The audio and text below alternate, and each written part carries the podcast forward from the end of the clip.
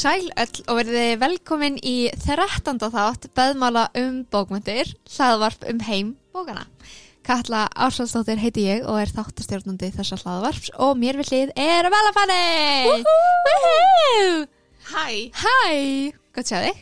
sömulegðis Hvað segir þið? Bara gott, ég er fersk. Ég er reynda bara svona fárólega fersk í dag. Ég held að þetta, ég er smá hrættum að þessi hlaðvarpstáttu verða eitthvað smá uh, cha- chaotic af því ég er eitthvað pínu æst. Þetta sé sko að því við erum náttúrulega, við erum ekki búin að hittast mjög lengi, ég held Já. að ég sé líka að finna bara svona, svona gott að vera með þér væp, Oh, same. um, Mér Love finnst, that for ég hef sagt það áður og ég ætla að segja en mér finnst ógislega gaman að þú sérst alltaf að gefa númer hvað þáttum er ég kann að meta og mér finnst það orðið svolítið svona 13. þátt, það er svona random tala mér, finnst það skemmtilegt Það er alveg komin 13 þættir, pældi Koma því. þér á. Oh my god, tímum flýgur.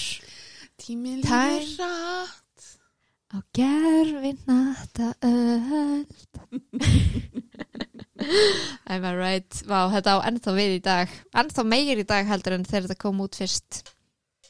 Já, pældi í því Ángríns. Ég bara er að kíkja Goodreads.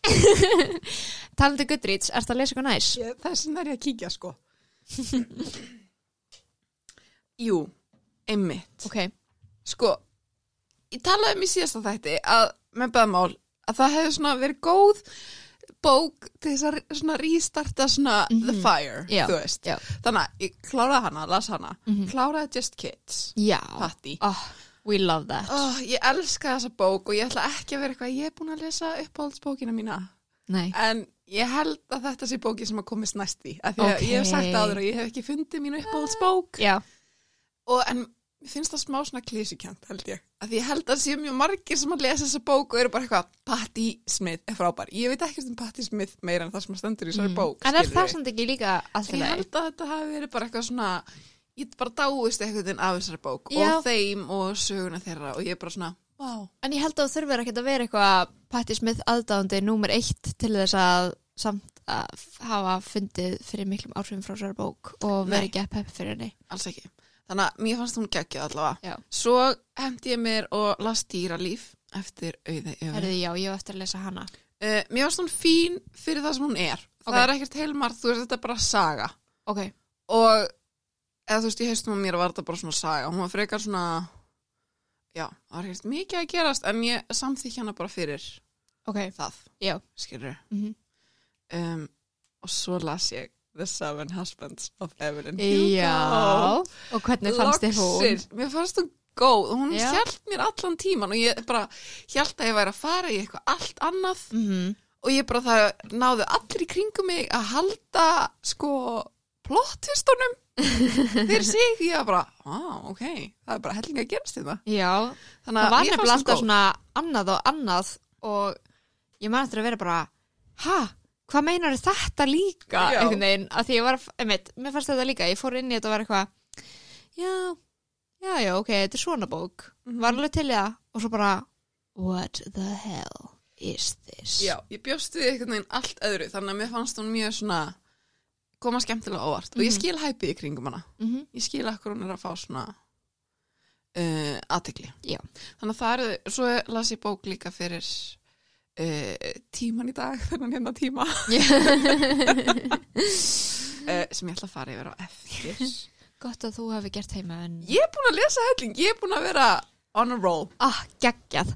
nefnilega, sko, mér finnst þess að ég sé smá að detta í smá svona lestra funk. Oh.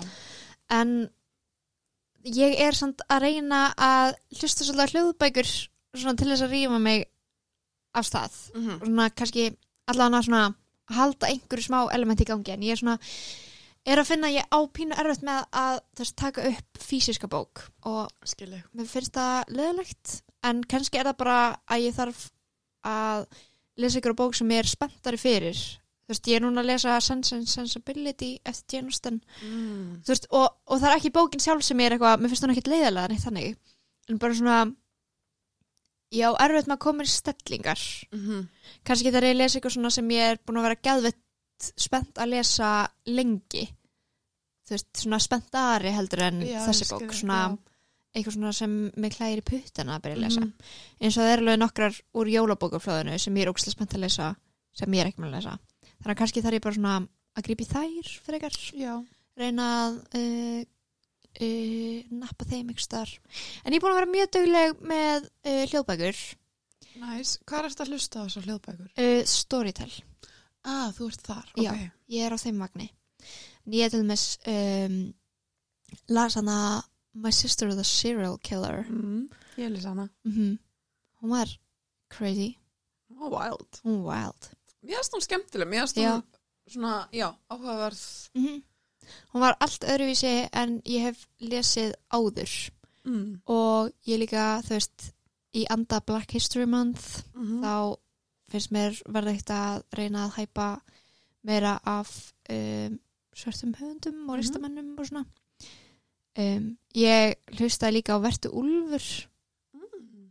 það er að koma leikrit í þjóðleikursinu eftir þeirri bók Ú.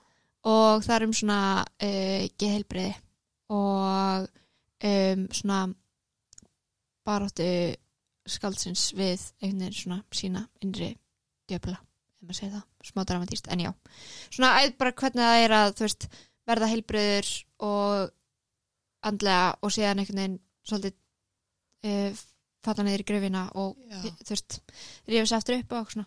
Er þetta höfundurinn?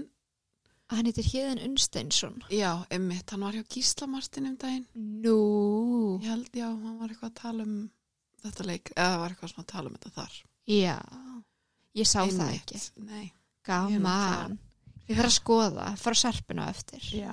En svo las ég líka hana aðferð til að lifa af eftir Guðrunu mínuru dóttur og hún var líka mjög fín, bara alveg með og eitthvað tók líka einhverja sakamálabók sem ég fannst ekki það skemmtileg en stundum er líka alveg næs að hlusta bara og vera eitthvað, hver er morðingin og svo er eitthvað, ó það var gett augljóst en ok.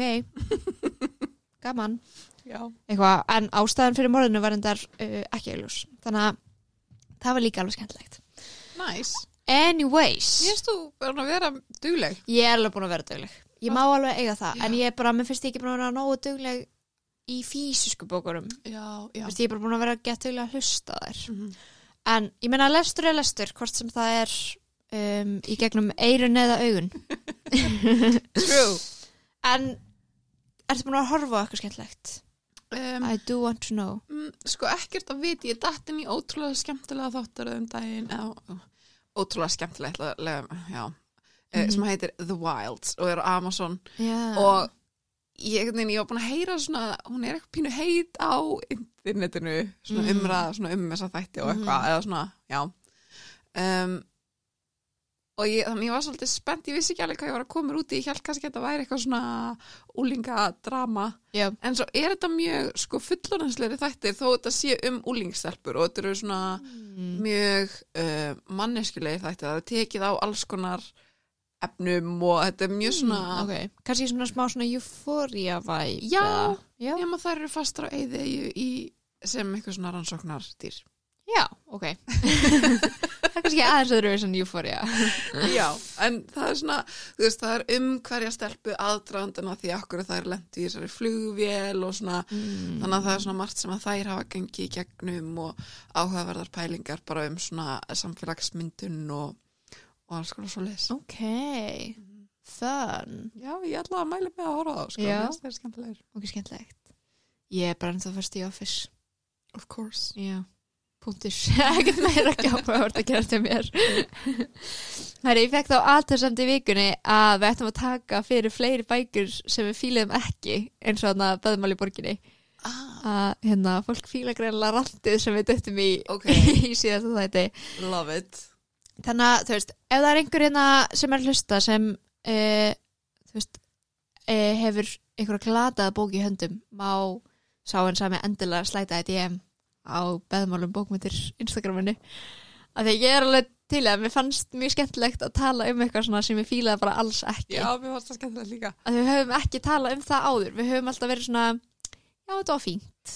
Eða Já. svona, á, mér finnst þetta ekkert frábært en ok, en samt mest bara verið að tala um bækur sem við fílum gett mikið. Já, nefnilega. Þannig að ég er Ég er til í það. já. Já, við, erum með, já.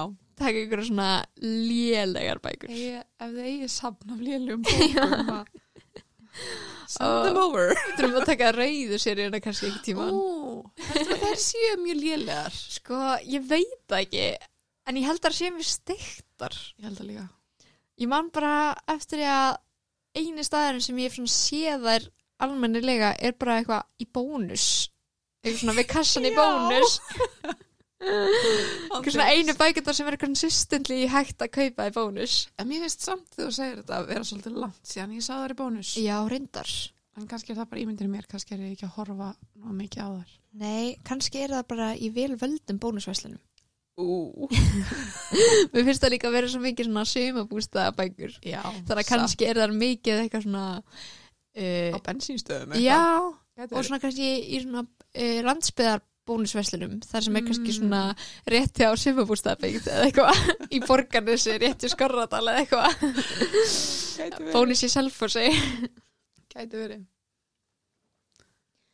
En þessi þáttur sem við erum að taka upp núna kemur út þann 14. februar sem er náttúrulega hinn eini sanni valentínusar dagur og þess vegna þáttur okkur náttúrulega kjörið að vera með svona ástarþemu þátt mm -hmm. Þetta er episki valentínusar ástarþemu þátturinn. Um, þótt að ég ætla nú ekkert eitthvað að halda upp á valentínusardaginn. Það Nei. hefur aldrei verið eitthvað sem ég hef verið peppi fyrir. Nei, ég er að fara á morgun sem var reyndar óvart en við erum að fara að vinkonurnar í bara smá svona hafa fönn dag og Ok. það er sko Galentines 13. Ah, februar og það er bara einhvern óvart lendir á þannig að ég er að fara, ég er spenntur Galentines Ég er sko miklu spenntari fyrir Galentine heldur en Mhm. Valentines. En litli bróð minn áreindar afmæli 13. februar. Þannig að hann á svolítið þann dag því miður þannig að það er ekki Galentine. Það er uh, allir, allir dagur sem er líka má að því að ég ætla að leifa honum að taka aðteklinu þannig daginn. Já, Hann er líka verið 15 ára kallum sko. það er þetta stór wow, bara. Já, um, það er dúló. Hvað finnst þér um ástasögur? Ertu fan? Sko, mér finnst það svona, ég tek svona tímabil held ég. Mm. Svo það sem ég er smá svona hopeless romantic í mér og er bara eitthvað því man held ég, ég held að vera síðast í haust sem ég var eitthvað, mér langar bara upplega episka afstyr svo í þessum sögum, eitthvað blæ, eitthvað að lifa einhvern veginn í gegnum það, Já. eitthvað að taka út eitthvað svona þetta dæmi, en mér finnst það alveg skemmtilegt þú veist, mér finnst gaman að taka þessi tímabil mm. og svona veist, það er eina sem ég er að pæla í í þessari sögu, þetta er svona svolítið kannski eins og skvísu bókmyndir eða glæparsögur svona, þú veist, ég setja svolítið í saman flokk sem svona ég er bara einhvern veginn að reyna að fylgjast með söguþræði og ég er ekki að reyna þú veist, að lesa eitthvað dýbra í þetta eða neitt þannig Skil, já. en svo er til dæmis ástasögur eins og uh, tímaþjófurinn skilur sem ég get aldrei hægt að tala um og þarf að uh, pota í allir Já. ræðafni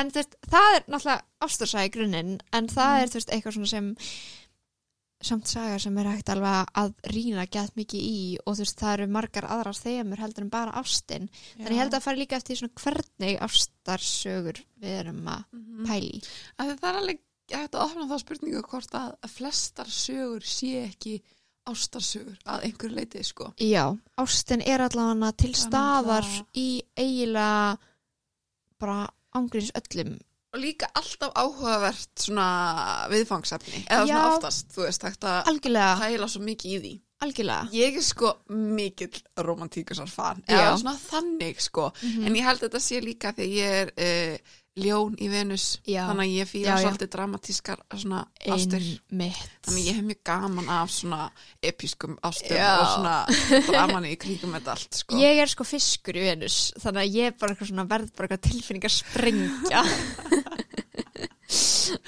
Já, skilur, ok. en það er einmitt alveg áhugaveru punktur sem þú segir einmitt af því að, þú veist, eins og þóttu við sem að tala um bara glæpasögur eða Mhm. eitthvað svona þannig sem er einmitt, þú veist, það er náttúrulega alltaf crime of passion sem er oft í Mhm. en þú veist, þótt að við séum ekki að tala um ástina sem eitthvað viðfangsefni sögunar um, í raun og veru þá er samt kannski, þú veist hjónabönd, framhjáhöld eitthvað svona þannig Mhm. hlutir sem koma við sögu sem þú veist, tengjast ástinni Mhm. en þú veist, þannig að það hefur alltaf kannski áhrif á framvindu sögunar þótt að það sé ekki megin fókus Já, algjörlega mm -hmm. Ég veist allavega, svona þegar maður hugsa um þá er einhvern veginn ástin alltaf svona hún er alltaf þarna á sveimi sko. Og líka kannski svolítið í bara daglegu lífi líka þú veist, þóttum að sé single pringle og allt það og það sé ekki eitthvað svona þú veist, megin fókus manns í lífin að finna ástina og kaupa hús og eignast hund með einhverjum makaskiluri þá er þetta samt kannski eitthvað svona að vera með Tinder-appið Mm. eða eitthvað svona sjá sætan einstakling á Instagram fítinu sínu eða eitthvað, whatever Mm. skiluru, tala um uh, samband sem vinkurinn er í eða Þetta hún er að höstla eitthvað eða eitthvað, whatever, já. All around you. Love is all around me. Bíó. All around Akkur kom bíóin í þetta? Ég, get, ég fór bara að hugsa Love Actually. Ó, þetta er sem að kemur á undan eins og að maður fyrir í eitthvað þá er eitthvað svona all around you. Að þá er það þann Já, hljóð erum við ekki að tala um þetta THX eða eitthvað? I have no idea. En Ég fór bara að hugsa þarna Love is all around me. Feel it in my And, fingers já. And so the feeling grows uh, Þetta var líka tekið í skam.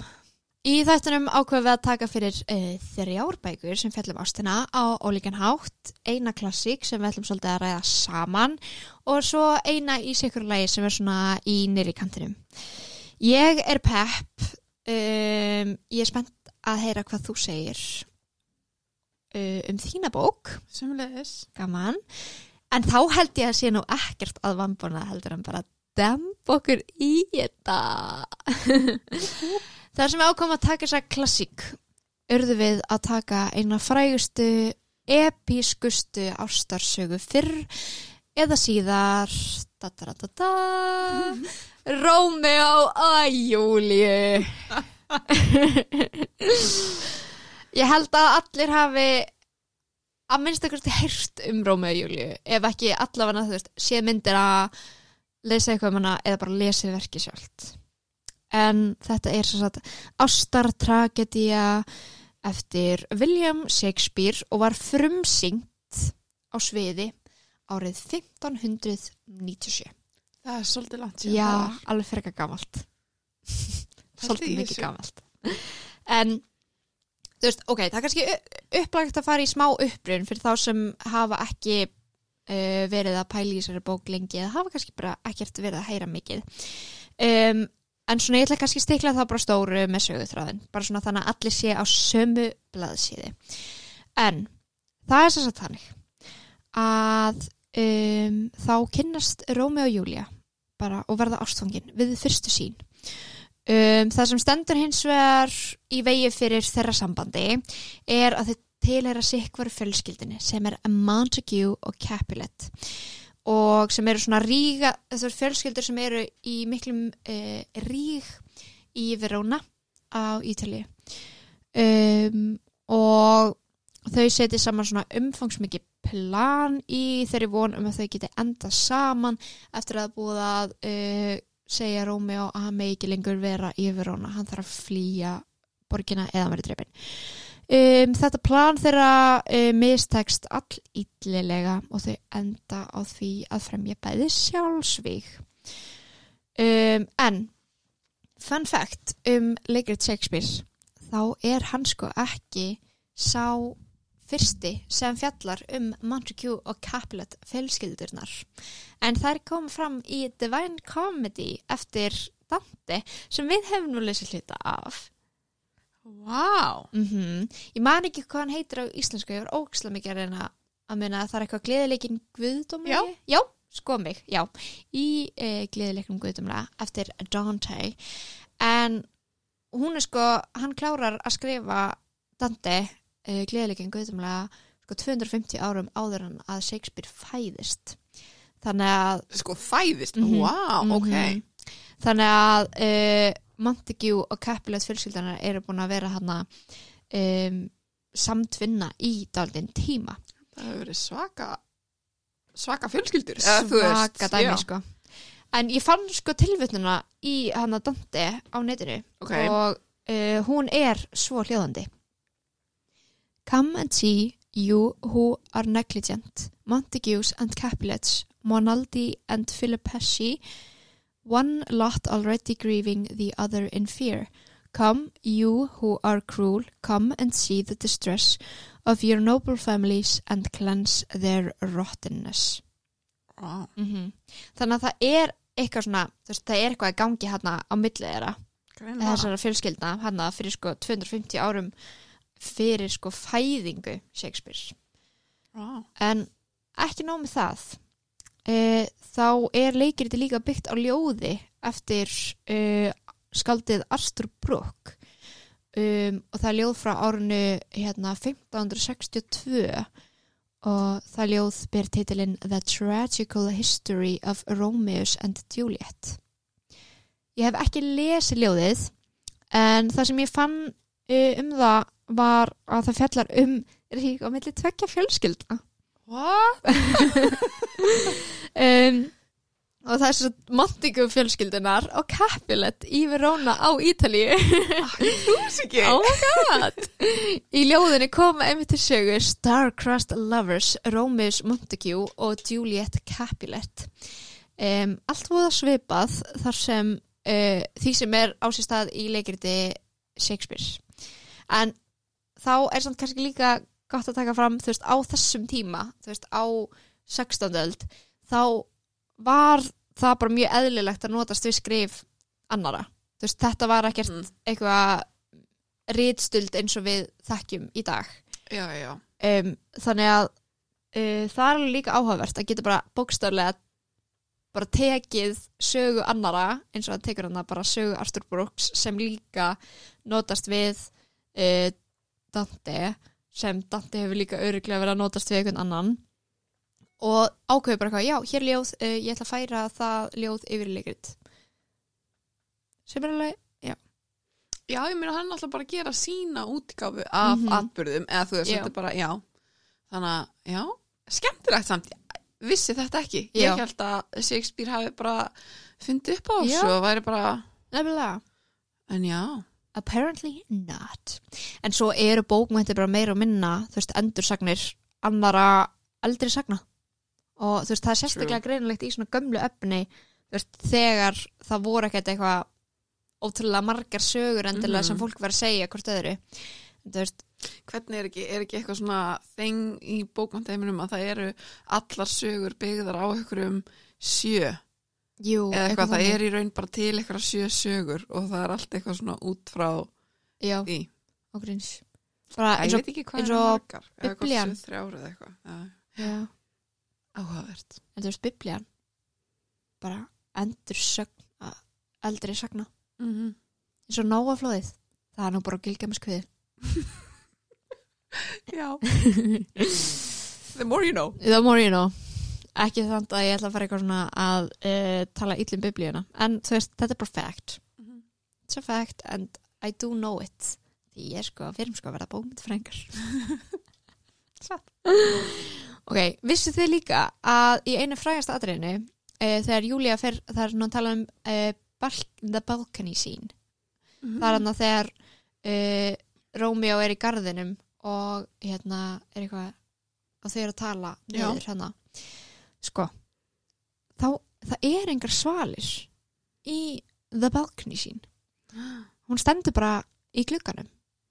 Og það sem er sko enn áhugaverðara á mínum að er að ennska orðið fyrir svalir eða hana, balcony var ekki eins og til þegar Shakespeare skrifaði verkið. Það var sko fyrst notað þú veist, fyrstu heimildina fyrir því að hafa verið notað sko 20 eða 30 árum setna þú veist, eftir að hann skrifaði verkið Vá. Sem er mjög interessanti ah, Ok, Mhm. já. Um, og svo var það sko ekki fyrir en 65 árum eftir frumsýningu á Rómi og Júlíu að fyrsta konan fór með hluturk Júlíu. Því konur uh, stiði ekki á leiksviðs fyrir en sko árið 1660 þannig að öllum líkendum hafa það verið fullarni karlmenn sem leiku öll hluturkinu í verkinu. Um, og með svona út af því var ég geð mikið að pæla þú veist, að það er svo furðulegt að hugsa til þess núna að fullarnir þú veist, karlmenn leikur svona unga stúlku eins og Júlia uh, en á þeim tíma þú veist, þótt þetta bara ótrúlega eðlilegt, þú veist, það var bara ekkert annað sem fólk þekkti. Þannig að mér finnst alveg áhæfverð að hugsa út í það hvernig áhæfverðir hafa upplega verkið þú veist, það er einungus karlar líka öll hlutverkin. Því í dag myndi maður horfa á það veist, sem eitthvað grín eða þú veist, eitthvað svona satíru eða eitthvað. Og þú veist, ég myndi líklegast ekki horfa á leikritið sem eins mikla tragedi og það er. Nei, um, þú veist, út frá því. Og þá þóttum mér líka áhæfverð að skoða þetta út frá þú veist, eitthvað svona hinsinn sjóna með hmm, þú veist, að því að svona hver var afstæðan, þú veist, hver hefur verið afstæðan fyrir því að tveir karlmenn sé að leika unga elskendur og eitthvað. Það voru bara allir svo líbó í gamla dag Já, heldur það. eða þú veist, mér finnst svona eins og eða ég veit ekki hvort það hefur verið þarna en maður veit náttúrulega bara eins og grí, eða voru ekki gríkirnir alltaf bara og frjálsir með hjá hverjum þeir voru að sofa og Það var alveg hana, þú veist, þetta var svona mm, að ég veit það ekki. En þá líka, um mitt, áhugaverð að skoða, sko, því ég veit ekkert hver afstæða fólks var til, þú veist, hinsegin leikans eða samkynneðar eða, þú veist, á þessum tíma, á 16. öld eða 17. öld, mm -hmm. en þá er líka spurning, þú veist, hvenar og af hverju breytist það? Og svona. mm, já, það er satt Og- Akkur er það það er náttúrulega líka bara búið að koma í ljós eins og þú veist, ég held að það var sko 1900 það var 1900 eitthvað, sko 1930 eða 40 og eitthvað sem hérna uh, þýðingunni á biblíunu var breytt þar sem hana uh, gríska orðið fyrir pedofæl var uh, breytt yfir var þýtt sem uh, homosexual sem bara eitthvað svona áráðurstæmi What? -hmm. og líka hana uh, náttúrulega Marja May Mhm. um, þegar það var hérna biblían var þýtt úr uh, hebresku yfir grísku eða öfugt, ég manna það ekki. I'm sorry for the lélögu heimildir um, sem hausum minn er. Þá hérna var hún líka hérna þýtt vittlust þannig að um, virgin veist, Mhm. orðið fyrir virgin var vittlust þýtt. Og það var ekkert, þú veist, Marja May var aldrei þú veist, það var aldrei getið um það að hún væri eitthvað hrein May What? Mhm. Ok, ég er búin að læra svo mikið af þér hérna bara í dag. verst, verst verð þér að góðu. Takk. verði þér að góðu. Já, Ég hérna, ég já, er bara viskubrunnur hér í dag. Heldur betur. Nei, mér finnst líka bara svo áhugavert, veist, ok, núna er ég að fara ógislega langt út fyrir uh, umræðumni þáttarins, en ég er bara að pæla svo mikið í þessu sísta sérstaklega út frá, þú veist, þegar ég fór að lesa mig til um þessar biblíþýngar og eitthvað Mhm. og hversu gigatísk áhrif þau hafa haft Mhm. eins og bara, þú veist, það að bara fólk, þú veist, homofóbíst fólk hefur verið að nota, þú veist, biblíuna sem eitthvað svona áróðurs tengt Mhm. dæmi og svona styðja sína homofóbíu og hvað þau eru miklu fáiðar um, þú veist, og það byggist ekki á neinum veist, grunni Já, já, ég skil Æ, þú veist þótt að mér finnst að, þú veist, ég ætla nú ekkert að fara eitthvað svona, einmitt, eins og ég segi, þú veist, ég ætla ekki að fara út í eitthvað svona hvað mér finnst um biblíuna þannig séð, eða þú veist afstöðu mína til, þú veist, kristi fólk trúi því sem það trúir, en svona segjum eitthvað þetta, sem einhver heila sannleikur Mhm. þá er biblían það ekki af því að, þú veist, það er bara búið rámtúlkana svo lengi Mhm. og hún hefur verið notað sem áráður gegn uh, jaðarsettum hópum Mhm. eins og bara með þýðingum Mhm. sem er bæði ógisla steikt og skrítið og glatað en á sama tíma gæðveitt áhugavert Mhm. eins og bara sérstaklega með Mario May Þú veist, það bara búið að vera í fjölda ára eitthvað svona þessi ótrúlega hvern fyrirmynd sem allar konur eiga að vera eitthvað svona, það eiga að vera mæður og uh, móðurlegar og góðar en það eiga samt líka að vera eitthvað svona hreinar og eitthvað svona purity sem mm. eitthvað fylgir því að vera hrein megin og samt að vera móður þetta er eitthvað svona aldrei eitthvað svona eitthvað fyrirmynd sem þú getur ekki náð að þú getur ekki verið móðir og Mhm. mei, veist, eitthvað svona þessi ótrúlega fáranlega staðal mynd fyrir konur er bara byggð á einhverju keftaði Ég elska hvað þú ert passionate yfir þessu í dag. Já, en þetta er líka að nóg um þetta Já, mér finnst það góður útudúr hjá þér. Já, takk Mér finnst svolítið skemmtilegt einmitt að hugsa um hérna þessa kalla við að leika þetta. Mhm. Sérstaklega líka bara út frá aldri Júliu, þú veist að því hún á bara að vera 14, þú veist hún er ekki orðin 14. nei, hún er að verða 14 Mér fannst samt líka á tímabilið eins og hún væri sko bara 12 að hún væri að verða 13, ég veit ekki hvort að það er bara verið einhver Mm. miskilingur hjá mér en hún er ung, Hún er bara hvort sem hún er tiny Já. baby Þannig að mér finnst þetta líka svona áhugavert að þeir sé að leika svona ungt fólk og sjáu ekki hvað það við svona skrítin stemming hérna einhvern veginn í þessu öllu Já, já, mér finnst það líka eða veist. Já. Mér er samt svolítið merkilegt sko að eins og pappinar segi getur beðið þannig að við París eða eitthvað, hann það ekki sem að langar að giftast henni. Já, já, já, Hann segi, hún er of ung, getur beðið í tvö ár. Já. Mér finnst það svolítið áhugavert. já. Af því að þú veist, væri þeir ekki bara giftast núna? Já, en kannski hefur verið með verið eitthvað svona viðmið sem er jafnvel, þú veist, örgulega miklu yngra en við myndum hugsa í dag þú veist, með eitthvað svona veist, þessar pælingar en ég held samt, veist, það er búið að vera svona grúma þú veist, for the lack of a better word um, þú veist, þessar stelpur skilur svo lengi að hjónabandi skilur, þú veist, þau eru búin að pæla í hverjum hún ætlaði að giftast -hmm. síðan hún var bara barn. Já, algjörlega, þess vegna finnst mér áhugavert hann segi, hún Mhm. er ennþá of ung, þú veist, af því að ef þau eru búin að vera að pæla í að hann eigi að giftast henni og Mhm. hann er tilbúin hann, af hverju þá ekki bara vera eitthvað já, ok, flott, þið gerir það bara á eftir Mm. Skilur, þannig að mér finnst áhugavert af papparnar Já. þó hún sé ennþá mjög ung þegar hún er orðin 16, Já, þú veist, þá er samt þá er hún samt orðin aðeins eldri. Mér fannst svona, já, áhugavert. Kannski er þetta líka svona, þú veist, að því hún er svo ótrúlega ung og það fyrsta sem, þú veist, kannski er verið að pæ- pæla í líka eitthvað svona barspurði og eitthvað svona þannig. Gæti verið, But Gæti verið sko, mér finnst, já, bara áhugavert sko. Mér finnst það, mér finnst það líka. um, en mér fannst, af því að ég, sko mér fannst eins og við höfum lesið Róma og Júliu í skólanum einhvern tíman, en ég held að ég hef verið að ímynda mér það Ég las svona í mennskóla. já, sko ég held ég hef nefnilega aldrei lesið hana um, eða lesið það leikriti Mm -hmm. um, og mér fannst það erfitt eða þú veist að ég Mhm. var með eitthvað vola Shakespeare útgáfi þannig að Mhm. þetta voru mjög svona, já og heilin á mér er ekki búin að vera á þessum stað mjög lengi Nei, nei, nei. þannig að mér fannst það svolítið svona krefjandi tungumál Já, en þetta er það. e, aftur eða svona mikið af fallegum setningum og svona fleigum einhvern veginn svona hugmyndum og maður var Mhm. bara, ég skil af hverju Rómi og Júlia bara upp á tungumálið að gera og svona þannig af hverju hún hefur fengið svona mikla aðtikli Já, ég það sem mjög áhugavert að mynda að skoða hérna, bara Shakespeare almennt Mhm. út frá hvaða tungumál hann notar. Já, Af því ég held að það við líka svolítið hérna, verið svona sérstaða hans algjörlega um, sem er mjög spennandi. En ég manna mitt að ég las hana í mentaskóla og við horfðum á báðar kvikmynda hérna, kvikmyndar sem hafa verið gerðar um, frá, út frá leikritinu.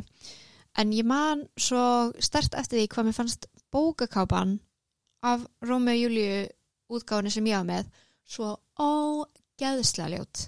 Ég var sko með ljótustu bókakápu heimsins þannig að það er eiginlega sterkasta minningi mín af því að hafa lesið Rómi og Júliu í mennskóla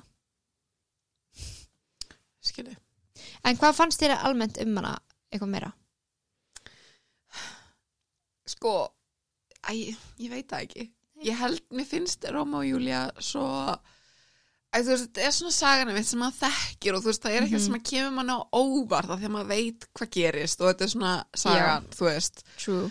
Um, og mér finnst þetta líka bara alltaf svolítið svona fyndi núna, þú veist, að þau hittast bara þú veist, eigða kannski, þú veist hálftíma saman, eða þú veist og er bara, ég er ástfangin. Mm og þetta gerist allt svo hratt ég held að það hafi komið svolítið óvart er hvað þetta gerðist allt Þetta eru bara einhverja nokkri dagar. Já, þú veist Já. að því ég bjóst við því að þetta hefði verið eitthvað svona veist, vikur eða mánuðir eða eitthvað Mhm. svona aðdragandi af, Mhm. þú veist, að ég held, held að það hefði verið meira svona leini samband á milli þeirra Já, já, nei, alls ekki þannig að mér Þau fannst það hittast svo komið mér á ótrúlega óvart. sjaldan Þau Já. sofa þeim líka bara einu sinn saman já, um, En þetta er líka eiginlega bara svona yfirnáttúruleg ástnanast mm Þau fara líka bara á móti þú veist, fjölskyldu sínum Já. Þau breyta lífsín sinni Mhm. þú veist, fyrir ástina sem þau eru búin að upplifa bara í sko 5 sekundir og þú veist, og líka í fyrsta skipti allavega þú veist, hjá Júlíu að því hún er svo ógíslega ung. Það er mm aldrei getið til um aldur Rómeo en ég gerir ráð fyrir að hann sé kannski nokkrum árum eldri. Ég held að hann sé ekki eldri en 17 ára.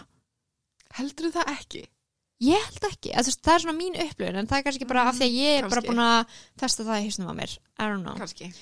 En þú veist þau eru svo ógislega heldtekinn af ástinni og þú veist Juliet segir til dæmis einu sinni í verkinu að ást hennar til Rómeo sé ólýsanleg. Mm veist, þannig að það er þú veist, mér veist það svona stiði að þetta sé svona yfirnáttúrulegt. Þú veist, þau bara veit ekki hvað þetta er eins og þetta er bara svo klikkað og Mhm. allt í einu og það er svo mikið. Bara, wow, það tekur einmitt, bara heldtekur þig sko, er bara, já. Sem að, eins og ég sagði á hann, ég kann að meta sem svona, þú veist, hopeless romantic Já.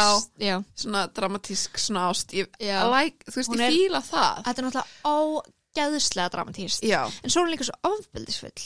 Þú veist, ástin er svo mikil drifkraftur ofbeldis í Mhm. leikurkinu þú veist, þau eru þú veist, fólk deyr út af ástinu þeirra þau náttúrulega fremja sjálfsveg hérna í lokin Mhm. og þau hóta líka bæði á einhverjum tímapunkti að drepa sjálfan sig, þú veist, þetta er bara svona Mhm. craziness mér finnst það mitt líka samt svolítið áhugavert þú ert bara að tala um dauðan af því að Mhm. það er á nokkrum stöðum í verkinu það sem er svona pínu gefið til kynna hvernig verkið mun enda já, Þú það veist, er meira er- sér sko sagt í ingangnum, það er svona prólog þá Já, er bara farið yfir það er náttúrulega sagt hvernig verkið er. En mér finnst svona áhugavert að það voru einhverju karakterar sem voru eitthvað, þú veist ást sem er svona mikil endar bara illa. Já, og já. eitthvað svona, mér, svona, Einmitt. já, ok. Það er alveg, það er, já, það á ekki að koma neinum á óvart að þetta sé það sem mm gerist. En mér varst líka veist, áhugavert að skoða þetta út frá því að veist, þetta er frægasta ástarsaga fyrr eða síðar og bara allir þekkir þessu sögu allir vita hvernig þetta er. Um, og það vitnað endalust í þessu sögu. Mhm. en á sama tíma held ég að fæstur myndi kjósa ást af þessu tægi veist, sem er sínd í leikurkinu já, já. Veist, en það er samt alltaf að tala um þetta sem veist, episkustu Mhm. ástarsögu bara þetta er eitthvað svona emitt, en þú veist, það mynd, vill þetta enginn. Nei en Nei, aldrei já, myndi ég satt. vilja upplifa þetta. Nei, nei, það er satt, sko. Mm já, en svo er þetta líka að maður pínu bara svona gátið ekki bara þú veist, akkur er gat já, að ég veit ekki. Æ, svo eru þau bara akkur er svona ógeðslega dramatísk? Já, af því þau eru úlingar Já, og þetta er líka samt bara svo ógeðslega mikill miskilningur og svona eh, Æ, bara eins og hann hann með brefið var bara eitthvað í haldi og kom, kom því ekki til skila Já. og þú veist, og það er líka bara eitthvað svona er svona frústrerandi, vesen. Já, og já. maður er svona, oh, ef hann hefði bara líka beðið í smástund og Já. hún hefði vaknað, þú veist, þá væri það maður upplifið það líka smá, þetta sé svona oh, Já, þetta verður svona, þetta verður svona pirrandi líka já, og svona líka, en þá held ég líka að þetta sé, þú veist, öll úr, þú veist, sem þau stjórn ekki sem einhvern veginn hrinda þessu svona stað og það er þess vegna sem þetta virkar ekki. En True. ég ætla að segja þessi yfirnáttúrulegt element í þessu öllu saman. Ah, já, ok. Mhm. það er uh, mín greining like á it. verkinu. Já, heldur að þetta hafi gæst í alvöru eða þú veist, ég held alveg að fólk hafi hérna, þú veist uh, ekki kannski svona dramatíst en ég held alveg, þú veist að sjálfsvíg vegna ástarinnar sé eitthvað svona Mhm. sem hefur gerst áður og líka eitthvað svona rígur fjölskyldi erjur sem um, setja strik í reikningin hafi gerst. Mhm. en, en bara að því að það er svo það er svo mikið um, veist, það er ljóðið það eru fjölskyldunar en svo er þetta kannski eitthvað svona gömur þjóðsaga. Já, algjörlega. Spennandi, áhugavert skemmtilegt. Mér varst gaman að- að lesa og eða þú veist að svona að pæla í þeim meira. Já. að, veist, einmitt, þetta er eitthvað svona sem maður hefur heyrt svo oft og þú veist, er allstaðar en maður veginn, veist, hefur aldrei farið veist, to the source. Nei, emitt True. Sem er fast gott. En ef að, að því ég er svolítið fórhundin að vita sko hver ég er Við finnum að taka BuzzFeed próf Já, við fyndum sem sagt uh, BuzzFeed próf sem er Eat your favorite foods and we'll tell you which Romeo and Juliet character you are og okkur fannst þetta eiginlega too good to uh, be true og við þurstum eiginlega Mhm. að taka þetta próf Fyrsta spurningin er, e- eða þú veist, maður á að velja breakfast food. Mhm. Ég held að ég ætla að velja, um, oh, ég ætla að fara í smoothie. Ok, ég ætla að velja pancakes Ok. og það er hægt að velja líka sko morgunkotn, french toast, havragraut og waffles Waffles. wow. Chocolate. Ég var ótrúlega lengi samt að ákveða sko á milli vöflu og pönnukukur Mm. En já, pick some chocolate, ég ætla að velja brownies Oh, ég Það- ætla að fara í Reese's. mm. Mér finnst neitt sem er ekki gott Æ, Ég veit ekki, ég hef aldrei smakka, ég held að mér finnst Það er líka hægt að velja súklarúsnir, Twix, plain chocolate bar og chocolate chip cookie. mm -hmm. um, Hátegismatur, Ú, hvart að panta. Ok, þetta er eitthvað ógislega erfitt Það er sko salat, samloka, borgari, bento box uh, afgangar eða pizza Ég held ég vel í pizzuna Sko, ég er annarkvort að fara í afgang eða salat.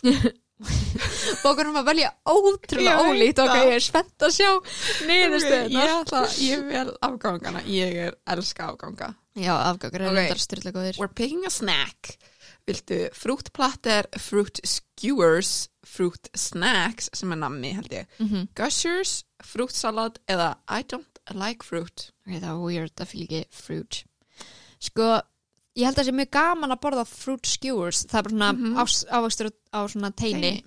En ég held ég fari í fruit platter samt sko ég er þar eða í saladinu. Mér finnst það Mm. salat líta svolítið vel út. Það er bara svo mikið sem er mixað saman eitthvað skringilega. Oh, I like it. Do it. Uh, what are you doing for dinner? After leftovers? Chinese takeout frozen dinner, a whole feast, eating out eða making a small dinner at home. mm. Sko, ég held kannski að þetta sé að því ég býr pínu svöng núna Þannig ég er að taka eitthvað svona allt eitthvað svona eitthvað svona óhallu eitthvað uh, valmöðleikana Ég held ég tekið Chinese takeout Ok, nice. Ég var alveg feitt til í það Nice. Ég ætla að make dinner at home. Ú, Þú ert að vera Ég miklu meira hólsam í já. þínu vali Pick a drink. Ok, Vatn, te, alkohól, kaffi, boba tea eða smoothie. Ú. Sko, mér finnst þetta pínu erfitt að því að það er Þú veist, er ég að velja með matnum mínum eða er ég að velja Sko, það bara er nefnilega stór spurningin í alls Já. Þú veist, af því þá myndi ég kannski velja þú veist, vatn. E, en þú veist, ef við erum að tala um bara drikk, drikk sem ég gríp helst í þú veist, þá er ég auglustlega fyrir að velja kaffi. Mhm, Ég held að vera go with your gut. Já, ég ætla að velja kaffi. Ég held að ég ætla að velja kaffi líka. Og svo er dessert Ú, ok, ok. chocolate lava cake Japanese cheesecake, ég hef aldrei smakað það Nei, mér finnst það Eh, svolítið gerðinlegt. Það er sko svolítið fluffy. en hún gerir það svo er makarónur uh, ís, samloka uh, bollakökur og cake pops ég held ég fari í bollakökurnar sko Ú, ég er að fara í ice cream sandwich. Ú. hver er þú? Ég er Benvolio. ég er the nurse Oh my god. Er calm and collected most of the time, but hang out with loud and noisy people. oh, oh það my er ég, god. er ég loud and noisy Þú getur verið það. það er rétt uh, ok, ég er you're caring and kind You've been keeping your opinions in for a long time to keep your loved ones happy, but that isn't working for you. You only want the best for your friends and family, but don't know the right way to express that to them. You make a lot of people laugh and a lot of people uncomfortable with your sense of humor, but it's okay because the people who find you funny are the real ones. Wow, ok. Ég, mér fannst það reyndar The Nurse ekkert eitthvað sérstaklega fyndin í þessu öllu saman en ég er reyndar hilarious, Já, finnst mér. Þú ert það. Þú ert frekar fyndin. Já, skemmtilegt. Já, Mér fannst þetta gott. Mér finnst þetta Mér gaman finnst gott að vita hver ég er. Við þurfum að taka fleiri uh, BuzzFeed próf. Ég held það. Mér finnst Það er svona Ah. ná að taka þetta vel saman Ég man líka þegar við vorum hana í einum áfanga í bókundafræðinni og við vorum alltaf að taka BuzzFeed próf í tímum. Það var eina sem gerðum. Já, Á, það var Senda milli. þetta er mjög fyndið. Já. Taka þetta, Sá það var alltaf við viljið eitthvað. Er þetta núna? Which spread are you? Oh, the good old times. Classics. Uh, Vilt þú segja mér frá bókinni sem að þú last Ástasögunni sem að þú last? Herðu, já. Um, Ég skal sko uh, gera það. Ég hérna valdi bókina Ástarsögur íslenskra kvenna uh, sem kom út árið 2016 og það eru þær uh, Marja Lilja Þrastadóttir og Rósa Björk Bergþórsdóttir sem hérna reytstur í bókinni. En það eru sko 49 ástarsögur úr raunveruleikanum frá íslenskum konum. Og þú veist, það er kannski ekki rosa mikið sem ég get sagt um bókina þannig um, án þess að til dæmis spóilenni en þetta eru bara svona stuttar frásagnir mjög ólíkar margar frásagnir um, um bara svona upplifin íslenskar kvenna á ástinni. Og þetta er svona frekar stuttar frásagnir. Ég held að lengsta hafi verið svona 16 blaðsjur og bara svo styrsta var bara eitthvað þrjásætningar. Þannig að þetta er af mjög ólíkum toga og mér fannst mjög skemmtilegt að lesa þessu bók. Um, og ég held að þetta sé ótrúlega sniðut fyrir fólk sem er kannski svona þú veist, fílan svona smásagna -hmm. elementið og svona bara lesa eitthvað svona stutt að kapla í einu og fá bara þá kannski alla söguna. Mér finnst það mjög skemmtilegt og líka bara þú veist þetta voru sögur sem höfðu alveg bara svona misgóðan endi. Skil og sumar voru ótrúlega dramatískar um, og endur síðan geðat vel og bara eitthvað við erum búin að vera gift í 16 ár og uh, það er enginn sem er mikilvægari í lífu mínu eitthvað. Þannig og sumar voru svona fyndnar eitthvað mm. grunnsklást, fórum í sleik og það var fyndið eitthvað bætibla eða eitthvað eða svona sínaði mig á Facebook eða eitthvað svona. Þannig að það var svona mjög allt mjög ólíkt og einmitt sumar ógslag dramatískar og bara eitthvað og svo endur við á því að hætta saman og það var gett dramatíst þannig að já, mér finnst það skemmtilegt en þú veist, það er kannski ekkert mikið svona formi sem ég get eitthvað svona að fara að greina þetta er náttúrulega veist, 49 konur og Já. það er allt ótrúlega ólíkt veist, ólíkir uh, rittstílar og svona en Mhm. já, mér finnst það hún skemmtileg uh, Frábært. Já, það fyrir mig Æði, Já, ok, nice Það er hægt að lesa hana mm -hmm.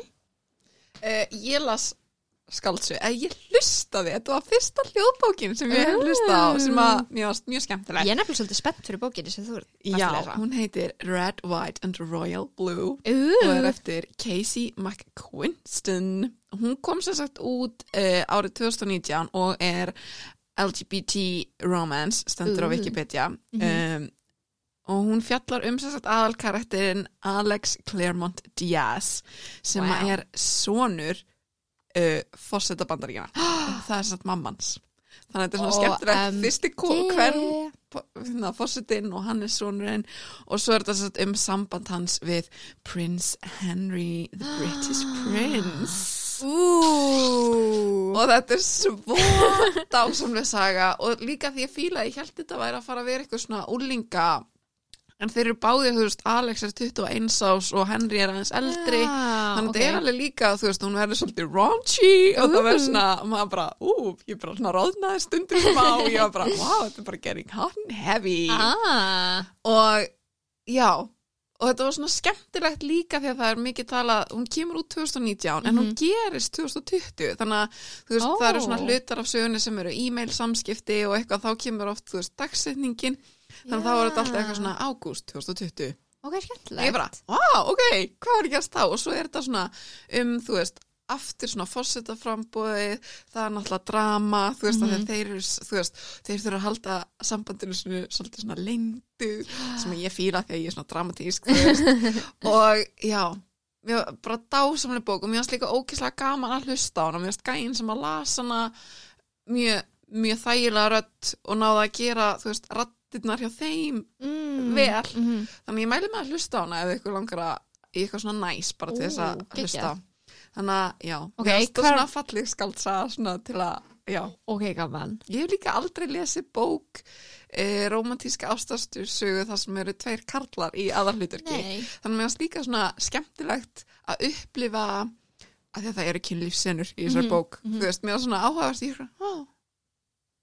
skemmtilegt Ég held að það ætti að vera svona uh, smá markmið hjá okkur kannski 2021 að þegar við lesum uh, ástarsögur, hvort sem það er fyrir þáttinn eða bara fyrir okkar uh, persónulega líf um, að kannski svona reyna að leggja áherslu á kannski meira svona hinsinn ástarsögur. Mhm, algjörlega. Eða þú veist ég ætla kannski að neyða þig að taka þátt í þessum meðverð en ég fór að mynda að hugsa líka bara ok, hvaða ástarsögur hef ég lesið sem eru emitt uh, Mhm. hinsinn og það eru bara ótrúlega fáar. Þannig að mér langar að leggja meira áherslu það. Algjörlega, mér finnst þetta, já. Ég er bara mæli 110% með þessar bók af því að, einmitt, þetta er bara svona eh, skaldsa, skemmtileg. Gaman. og hérna, og ég sko hugsaði allan tíma, var ég bara, ó, ég vildi að, þú veist, mér langar að þetta sé bíómynd, þú veist, að ég bara tengdist líka karakterunum þannig, ég bara, Mm. mér langar að sjá þetta gerast á, þú veist, skjánum. Þú veist, mér langar að sjá þetta, Mhm. ekki bara í haustinu á mér og ég er búin að vera bara hver myndi leika breska prinsinn? Það er náttúrulega bara eitt sem að kemur til greina Harry Styles. Þó að, að prins, að prins Henry sé sko ljósarður þá er ég samt eitthvað svona, ok, hann myndi bara lita sér hári en Já, eða hann getur bara verið dökkarinn í myndinni. Eh, já, eða það. Og þú veist, þetta er svona, já.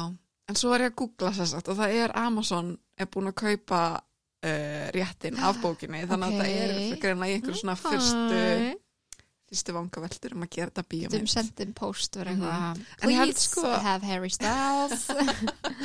Já, en hún sem sagt kom út og fekk alveg aðtigli en svo fór hún pínu væral. Þannig að hún fekk Mm. svona gett mikið svona vá. Ok, og nú finnst mér þess að ég sé búin að ofpeppa þessa bók þannig að þú veist væntingar ykkar eða alltaf að lesa svona dræja aðeins úr þeim þannig að þið fáið sem upplifun. Já, já. Hvar er þetta að hlusta á hana?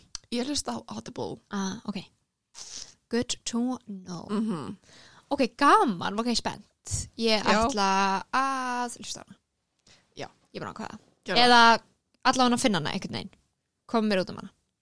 Mér langar að Já, lesa. ég sagði við mömmu að hún þurfti mamma mín vinnur á borgarbókasafni. Ég sagði, þú þarfst að kaupa þessa bókasafni hún sagði, ok, þannig að hún verður volandi væntalega á borgarbókasafni einhvern tíma flöða Ok, ég er spennt.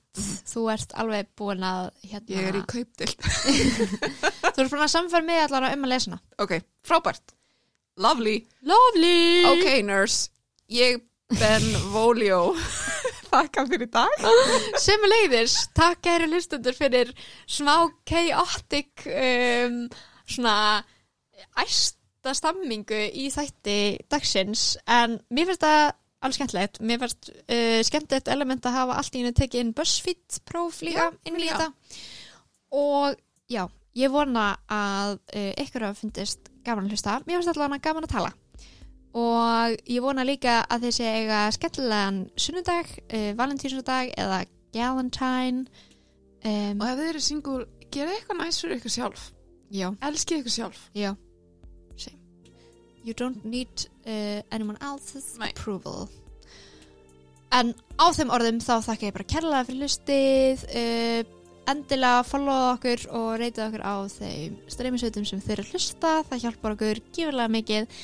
Hendið líka endilega í follow á beðmál um bókmyndir á Instagram og við sjáumst í næsta þætti.